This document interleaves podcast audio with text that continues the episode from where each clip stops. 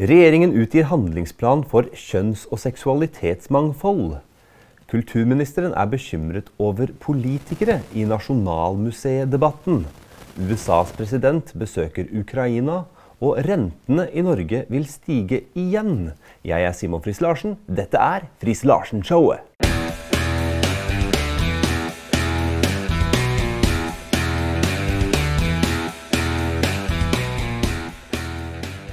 Regjeringen utgir handlingsplan for kjønns- og seksualitetsmangfold. Og her kunne jeg jo gått nokså hardt ut. For det er jo noen saker hvor det er nødvendig for å skape den nødvendige debatten og få fram saker.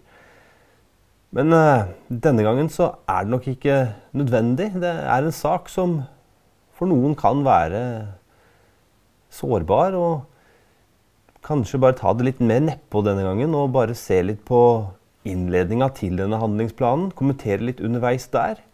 Og så ta opp ett av de tiltakene som nevnes her. Kunne nevnt mange, men gå gjennom i hvert fall én av dem.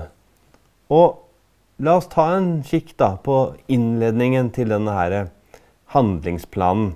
For dette er jo politikk, og det skal kunne gå an å diskuteres. Og innledningsvis her da, så står det at et land er ikke virkelig fritt og demokratisk hvis ikke innbyggernes grunnleggende menneskerettigheter om å være den de er, og å leve frie, selvstendige liv, er sikret. Og det kan jeg jo være enig i.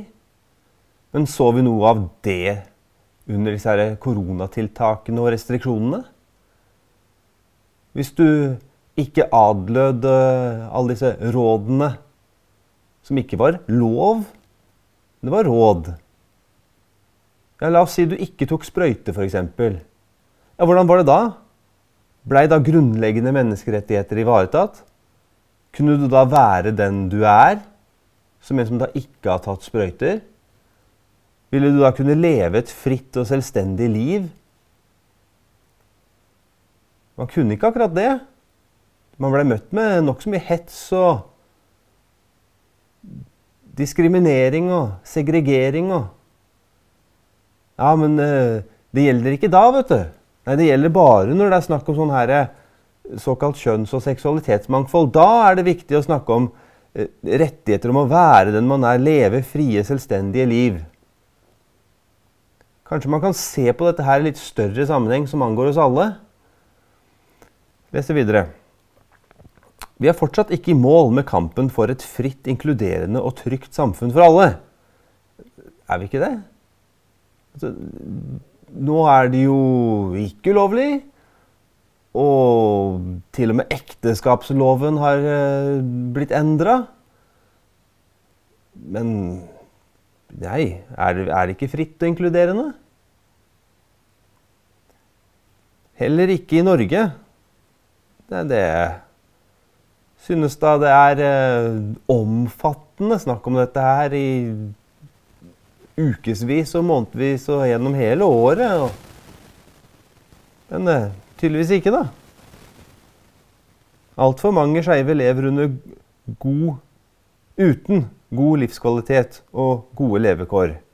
Vel, altfor mange nordmenn lever uten gode levekår og god livskvalitet.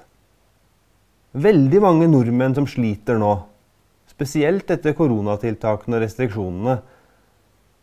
Og hvordan privat næringsliv og småbedrifter sliter med å holde drift gående. Hvordan familier har det vanskelig. Forskjellige ting som oppstår økonomisk, verdimessig. Altfor mange nordmenn lever uten god livskvalitet og gode levekår. Det er et generelt problem, dette her. Mange skeive har et forhold til tros- og livssynssamfunn, og noen opplever utfordringer pga. trossamfunnets syn på deres kjønn eller seksualitet. Ja, de kan oppleve det, kanskje. Men her er det jo snakk om tros- og livssynssamfunn har hatt og har standarder for hvordan et menneske er som skapt av Gud. for hvilke kvalifikasjoner som gjelder for tjeneste i samfunnet.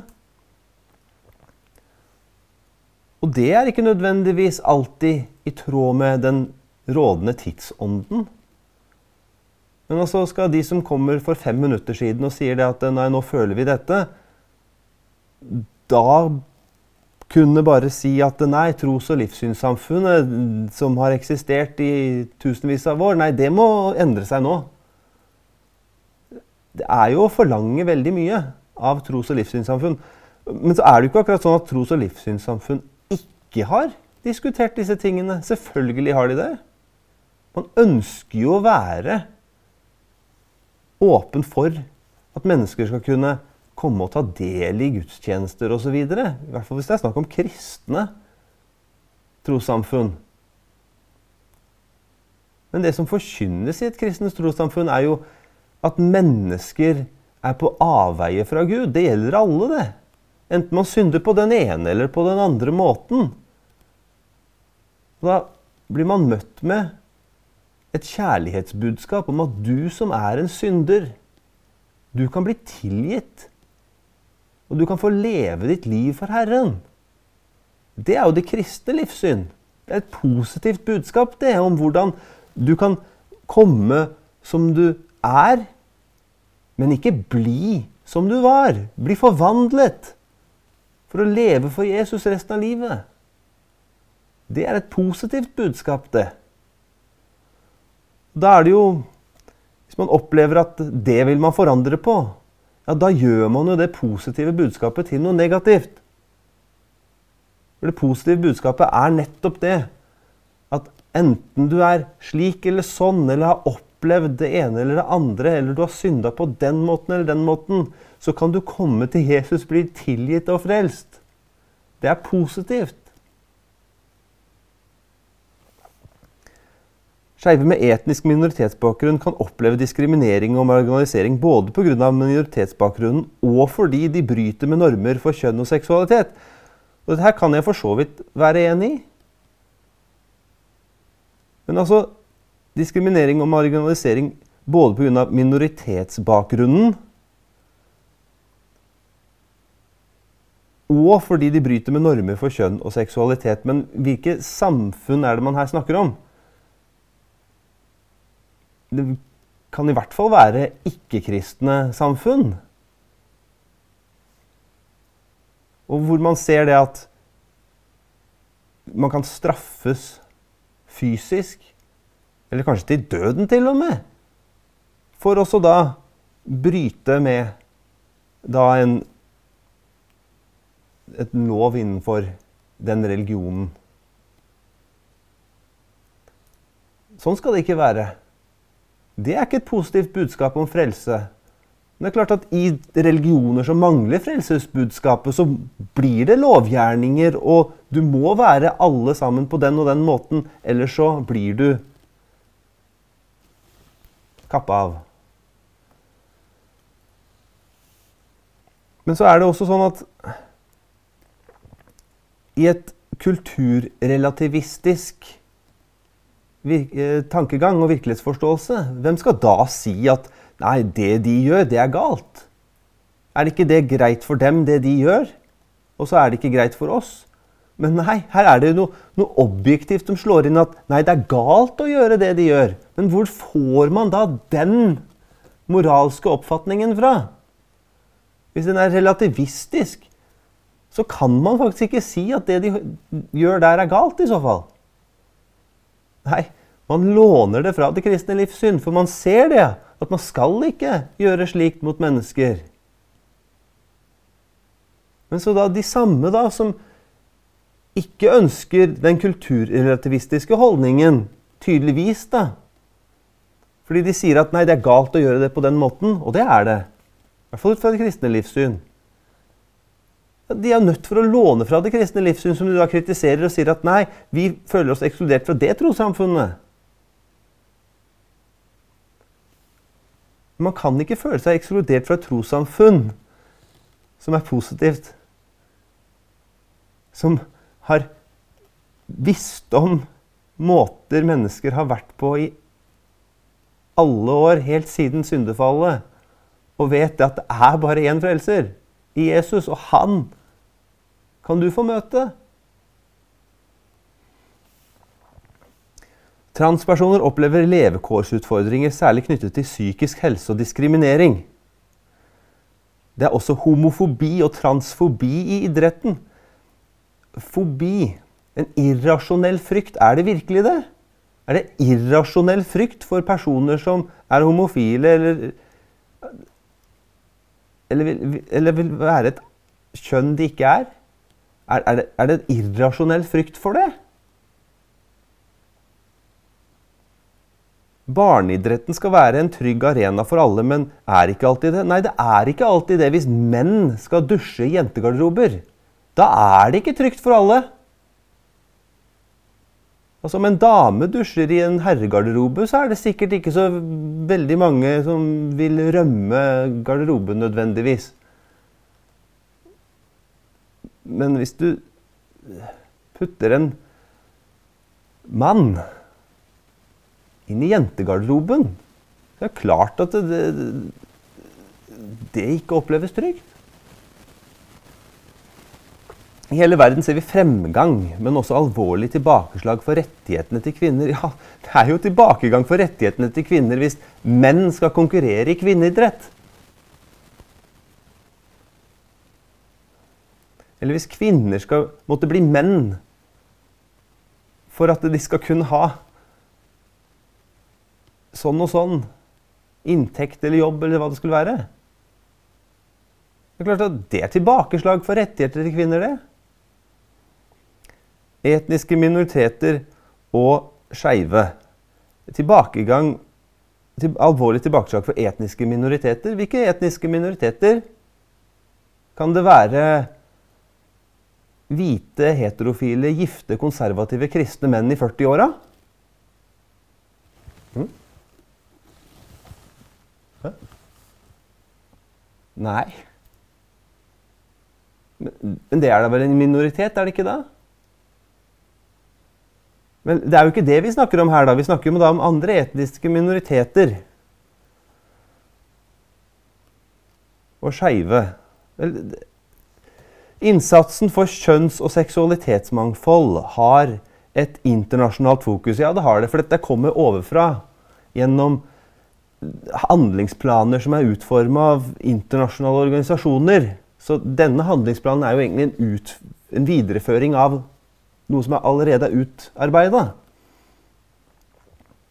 Norge vil sammen med de andre nordiske landene gå i front for at menneskerettigheter, frihet og mangfold skal komme alle mennesker til gode på lik linje. Ja, det er jo flott. Det må de jo gjøre. Menneskerettigheter og frihet og, og, og, og mangfold, ja. Flott det, at det kan komme alle mennesker til gode på lik linje.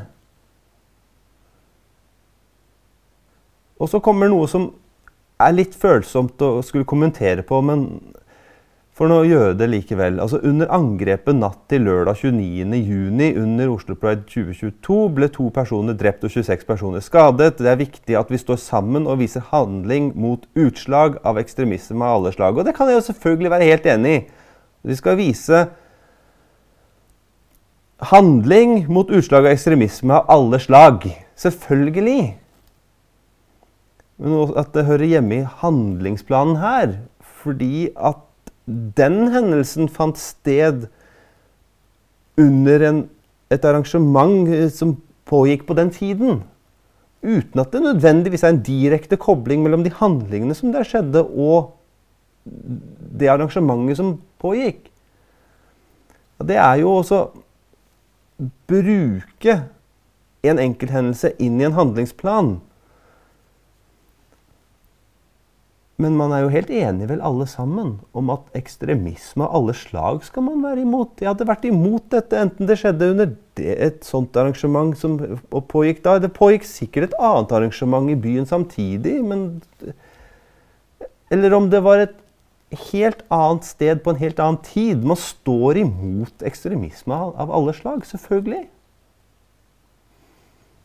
En ny handlingsplan for kjønns- og seksualitetsmangfold for perioden 2023-2026 skal bidra til å øke livskvaliteten for skeive, sikre deres rettigheter og bidra til større aksept for kjønns- og seksualitetsmangfold.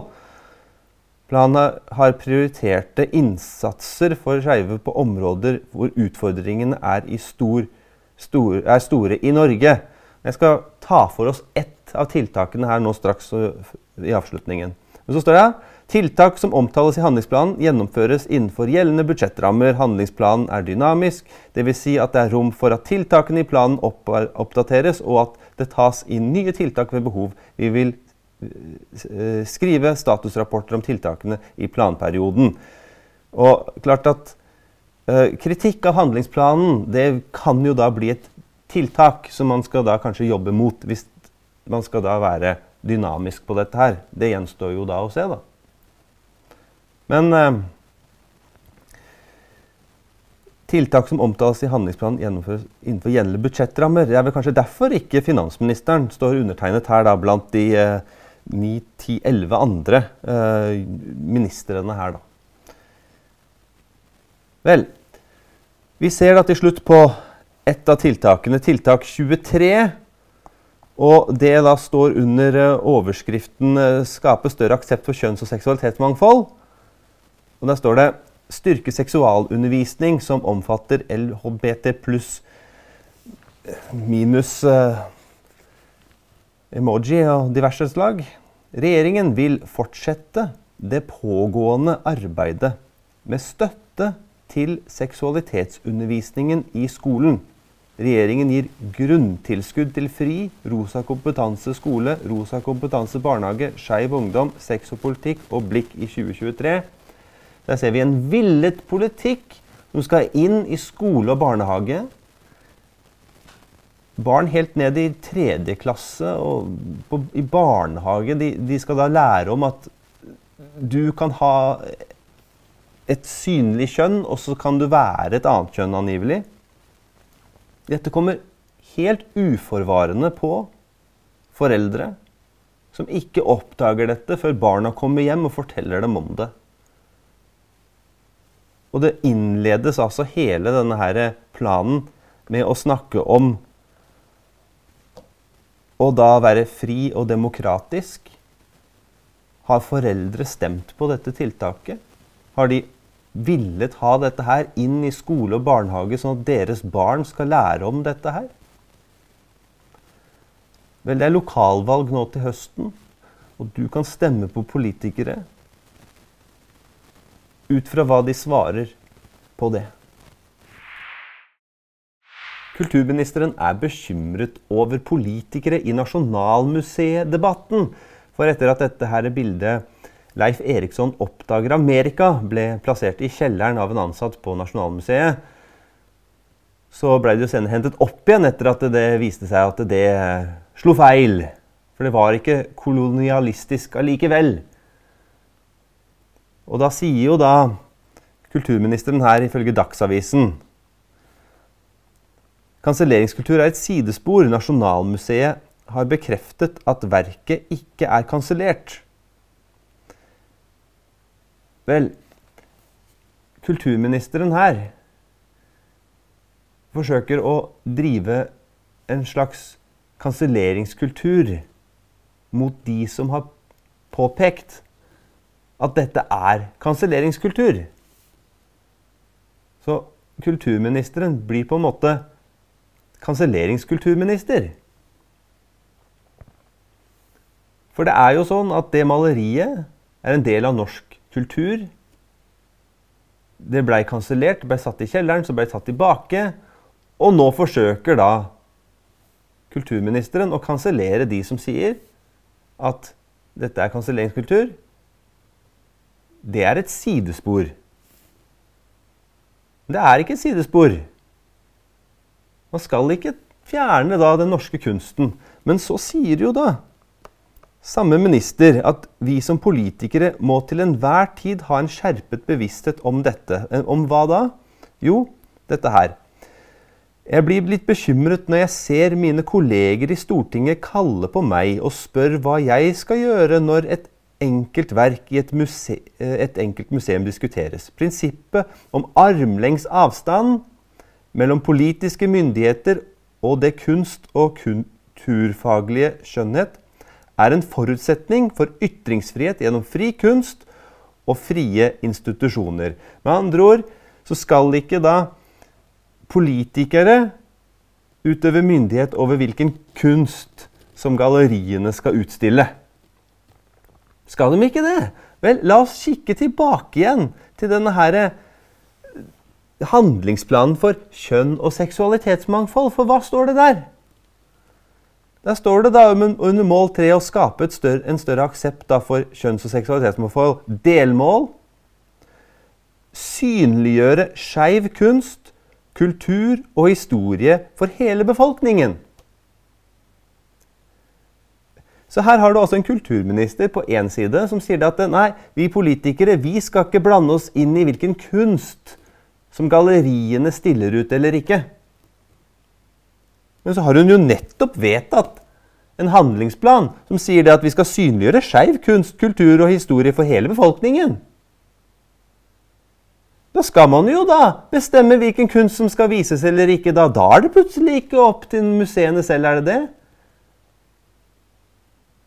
Eller det er opp til museene, men her skal politikerne utøve innflytelse på det. Så det er jo en stor selvmotsigende. Stor selvmotsigelse. Selvfølgelig så skal politikere sørge for å konservere den norske kulturen, så den blir nedarva, at den blir videreført, at den blir utstilt. Som f.eks. Leif Eiriksson oppdager Amerika. Det skal vi gjøre. Men skal vi drive og synliggjøre skeiv kunst, kultur og historie for hele befolkningen? Ja, det er det kanselleringskulturministeren ønsker å gjøre. Så her ser vi at det er en selvmotsigelse i det som blir sagt. Og kunst og kultur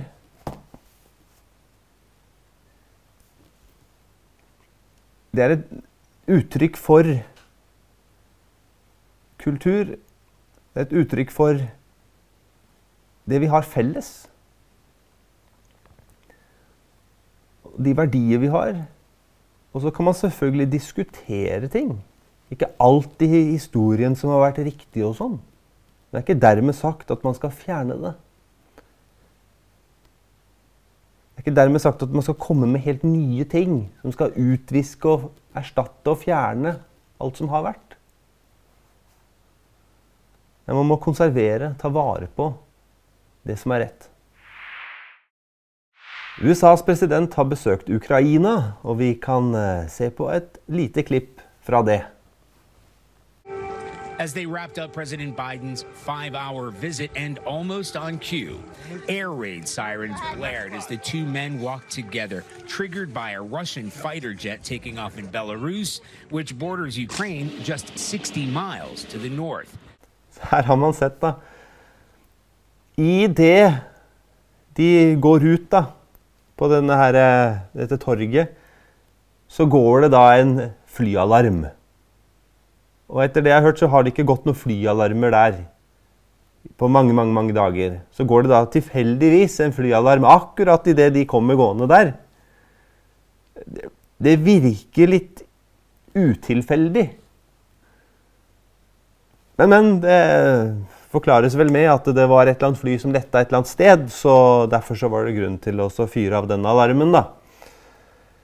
Vel, hva gjør man vel ikke for å få fram viktigheten av besøket.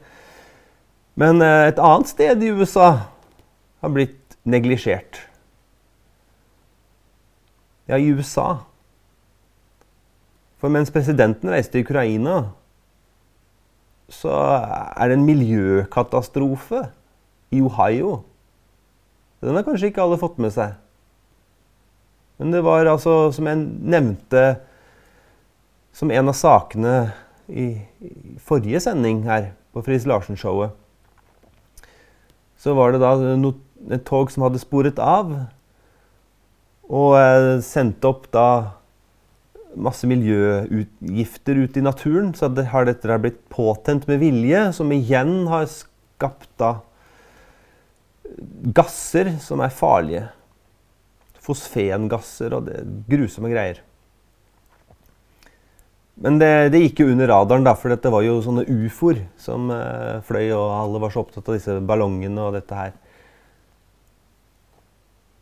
Men det her har virkelig vært ille for de som bor der. Drikkevannet er ødelagt. Ikke har de fått noe hjelp fra Biden-administrasjonen. Inntil nå, plutselig. For hvorfor det? For det var en annen president som bestemte seg for at han skulle reise opp dit og se på forholdene. Det var Donald Trump. Han reiste opp dit onsdag denne uka. Og så fort det ble kjent at han skulle reise opp dit, nei, da skulle Biden-administrasjonen sende noe hjelp dit, da. Ja, det er jo bra, det, da. Bra at uh, Trump kunne bidra til at Biden-administrasjonen uh, fant ut at uh, de måtte gjøre noe. Som ikke annet så var jo det besøket positivt da, for det. Her står det da fra Daily Wire. You're not forgotten. Trump visits Ohio. Town impacted by train crash hits Biden over lack of attention toward community. Former President Donald Trump visited East Palestine, Ohio on Wednesday afternoon and criticized President Joe Biden over his lack of attention toward the small Rust Belt community as citizens grapple with the recent train derailment and subsequent chemical fallout. Snakkes da om at uh, Trump kritiserer da Biden for at han ikke har da, uh, gjort noe i denne saken. Da. Local and state authorities previously evacuated all residents within one mile of the derailment and stated, started a controlled burn of industrial chemicals on the vehicle uh, to decrease the risk of explosion. Så de satte da fyr på dette her uh, før uh, det da uh, ble en eksplosjon ut av da, her, disse her tingene. Da. Men så står det litt lenger uti her Trump sier da They were intending to do absolutely nothing for you, he told the residents. They could have been here two weeks earlier, at least a week earlier, but they decided to do it this way, and I guess it came from the top. Så altså etter at Biden-administrasjonen ikke har hjulpet dem, før Trump besøkte dem, så sier han Trump altså at de hadde egentlig planlagt å gjøre ingenting for dere, de kunne vært der for to uker siden, i hvert fall for en uke siden. Men nå har de bestemt seg for å gjøre det på denne måten, og jeg regner med at dette kommer helt fra toppen. Så det er noen ganger sånn i politikken at uh, det skjer ikke noe før noen andre tar initiativ til det. Vi kan være glad nå da, for at de blir hjulpet, de folka nå, da. Så kan man spørre ja, var det så viktig for Biden å reise til Ukraina. Tilsynelatende glemmer han jo sitt eget folk. Vel, det må i så fall ha vært ufattelig viktig at han reiste dit, når ikke han kunne hjelpe de hjemme i sitt eget land med en gang. Men nå får de i hvert fall noe hjelp, da. Rentene i Norge vil stige igjen. Det er i-nyheter som melder at det blir enda verre for folk. Nå venter markedet fire rentehevinger. Markedsrentene stiger i hele Europa. I Norge prises det nå inn fire kvartinger til i år. Det vil i så fall gi ytterligere 1% høyere rente fra Norges Bank. De private bankene vil følge på, og vel så det. De siste dagene har en rekke sterke nøkkeltall trukket markedsrentene opp. Tirsdag slo dette særlig ut i Storbritannia, men også i Tyskland og Frankrike, skriver Finansavisen. I Norge begynte renteoppgangen allerede 10.2, når inflasjonstallene kom inn over forventning. Inflasjon, prisveksten, steg til 7% viste tall fra Statistisk sentralbyrå. Uten strømstøtte ville inflasjonen vært på 8,1% på forhånd var forventningene blant analytikerne 6,5% prisstigning. Derfor steg renteforventningene raskt. Nå priser markedet inn en styringsrente på 3,75 i høst. Rentemarkedet priser nå nærmest full ut av Norges Banks styringsrente vil nå en topp på 3,75% i tredje kvartal, skriver sjefsøkonom i Handelsbanken Capital Markets i sin morgenrapport. Det betyr en rente 100 basispunkter over dagens styringsrente.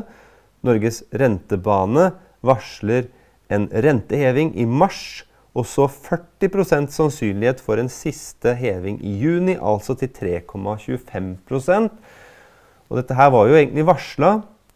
Så er det ikke sånn at 3-4% rente er så fryktelig mye, i hvert fall ikke sånn historisk sett.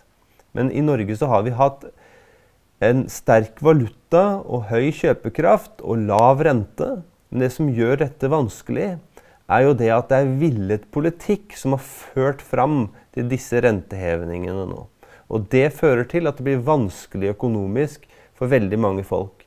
Spesielt de med høye boliglån og lav inntekt. Vi styres nå inn i politikk som gjør oss mer og mer avhengig av staten. Vi ser det på strømstøtte. Vi ser det nå på at folk ikke klarer å betale regningene sine. Folk blir avhengig mer av hjelp fra frivillige organisasjoner. Rentene går opp. Situasjonen blir mye vanskeligere. Det er villet politikk. Til deg som ser på programmet, så skjedde et lite hopp nå. Jeg gikk tom for strøm på enheten her, så måtte lade den litt. Men nå er jeg tilbake. Og til deg som lytter, så må jeg bare beklage. Men jeg var inne på dette her med at det er villet politikk som da har ført til at vi har kommet i den situasjonen vi nå er i, hvor da rentehevningene har blitt nødvendige. Og det er spesielt tre områder som jeg skal trekke fram, som jeg mener med villet politikk. Det ene er korona. Det var villet politikk å innføre strenge tiltak og restriksjoner som stengte ned landet, som gjorde det fryktelig vanskelig for bedrifter å holde ting gående. Og det gjaldt jo spesielt enkeltpersonforetak og andre mindre bedrifter som sleit med å komme tilbake igjen, og mange konkurser. Og man sliter jo da med det fortsatt. Og så er det jo da at man har brukt masse penger på testutstyr og på sprøyter som nå blir kasta, og det er hemmelighold på 60 år på hvilke avtaler vi har gått inn på på dette her, så det får vi ikke vite. Hvor mye penger er det vi egentlig bruker? Så Det er det ene området. Villet politikk, korona. Det andre er krig. Vi vil ha krig. Jeg har ikke satt meg så fryktelig mye inn i dette her, men jeg forstår at vi har en oppfatning av at det er en krig som skal vinnes, istedenfor at man skal da gå til forhandlinger. Vel, det dør masse folk. Det går masse utstyr og penger. Og det er villet politikk. Skal man, uavhengig av hvem som har starta og hvor man befinner seg nå, heller ta og gå og snakke om fred? Og det tredje er klima. Vi har så mange sånne klimatiltak og klimapolitikk og bruker så ufattelig mye penger på dette her. Vanlige naturfenomener, vulkaner, andre ting som slipper masse ut i atmosfæren. Havet som har masse underjordiske vulkaner osv. Slippes ut masse, masse CO2 og alt dette. Nei, det vi snakker om, er disse menneskeskapte klimaendringene og hvordan eh, vi skal stoppe dette her bare vi gir nok penger. Det er villet politikk. Så hvis vi gjør ting annerledes på de tre tingene der Altså korona, der må vi jo bare fjerne lovene som fortsatt er i vårt lovverk. De har ingenting der å gjøre lenger. Og gå videre krig, der må vi kunne klare å komme til fred.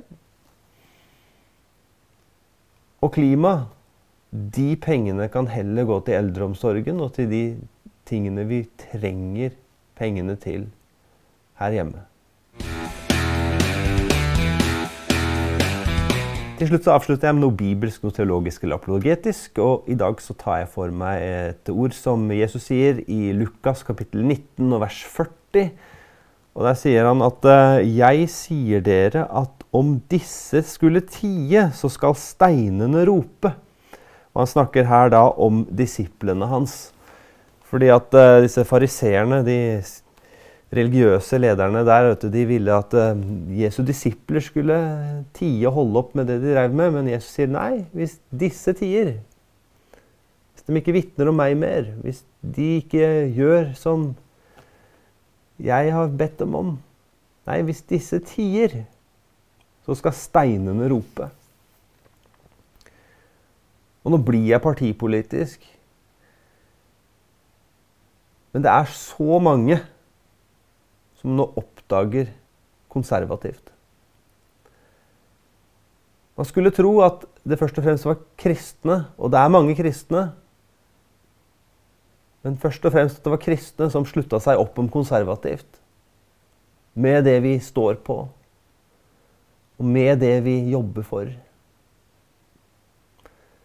Men det vi oppdager, det er at det er veldig mange mennesker som ikke nødvendigvis bekjenner seg som kristne, som oppdager konservativt. For de sier at det er vi som tar tak i dette her med kjønnsideologi. Det er vi som har noe annet å si når det kommer til dette her eh, klimaopplegget. Og vi ønsker også å se en utvikling også ved krigen i Europa som kan føre til en en slutt uten at vi behøver å etterkjenne og komme med stadig mer forpliktelser og penger og utstyr. Veldig mange som oppdager hvordan vi ønsker å ruste opp forsvaret vårt. Styrke eldreomsorgen. Ta bort penger fra sånn her eh, såkalt pride-arrangement og gi de pengene til eldreomsorg der de trengs. Masse, masse, masse som vi står for, som man kan lese om i programmet på konservativt.no. Men altså Hvis kristne tier, så skal steinen rope. Det er folk som ikke nødvendigvis bekjenner seg som kristne, som ser det. At konservativt, det er partiet som står for noe. Nytter ikke å stemme på Arbeiderpartiet eller Høyre. Det, det er akkurat det samme. Nytter ikke å gå til KrF, for de sier én ting, og så gjør de det motsatte. Senterpartiet, nei. De lovet oss å være konservative i forhold til ikke sentralisere og tro på hele Norge. Men så selger man oss ut til Europa og alle disse her globalistiske styresettene. Så om disse tider så skal steinene rope kan i overført betydning ses til at ja, Vi håper selvsagt at kristne også vil stå opp for det konservativt står for. Et parti som har Guds ord som fundament. Og Men om de tier, så skal steinene rope. Da skal andre komme til, og andre skal se at dette er det vi trenger. Jeg er Simon Friis Larsen. Dette er Friis Larsen-showet.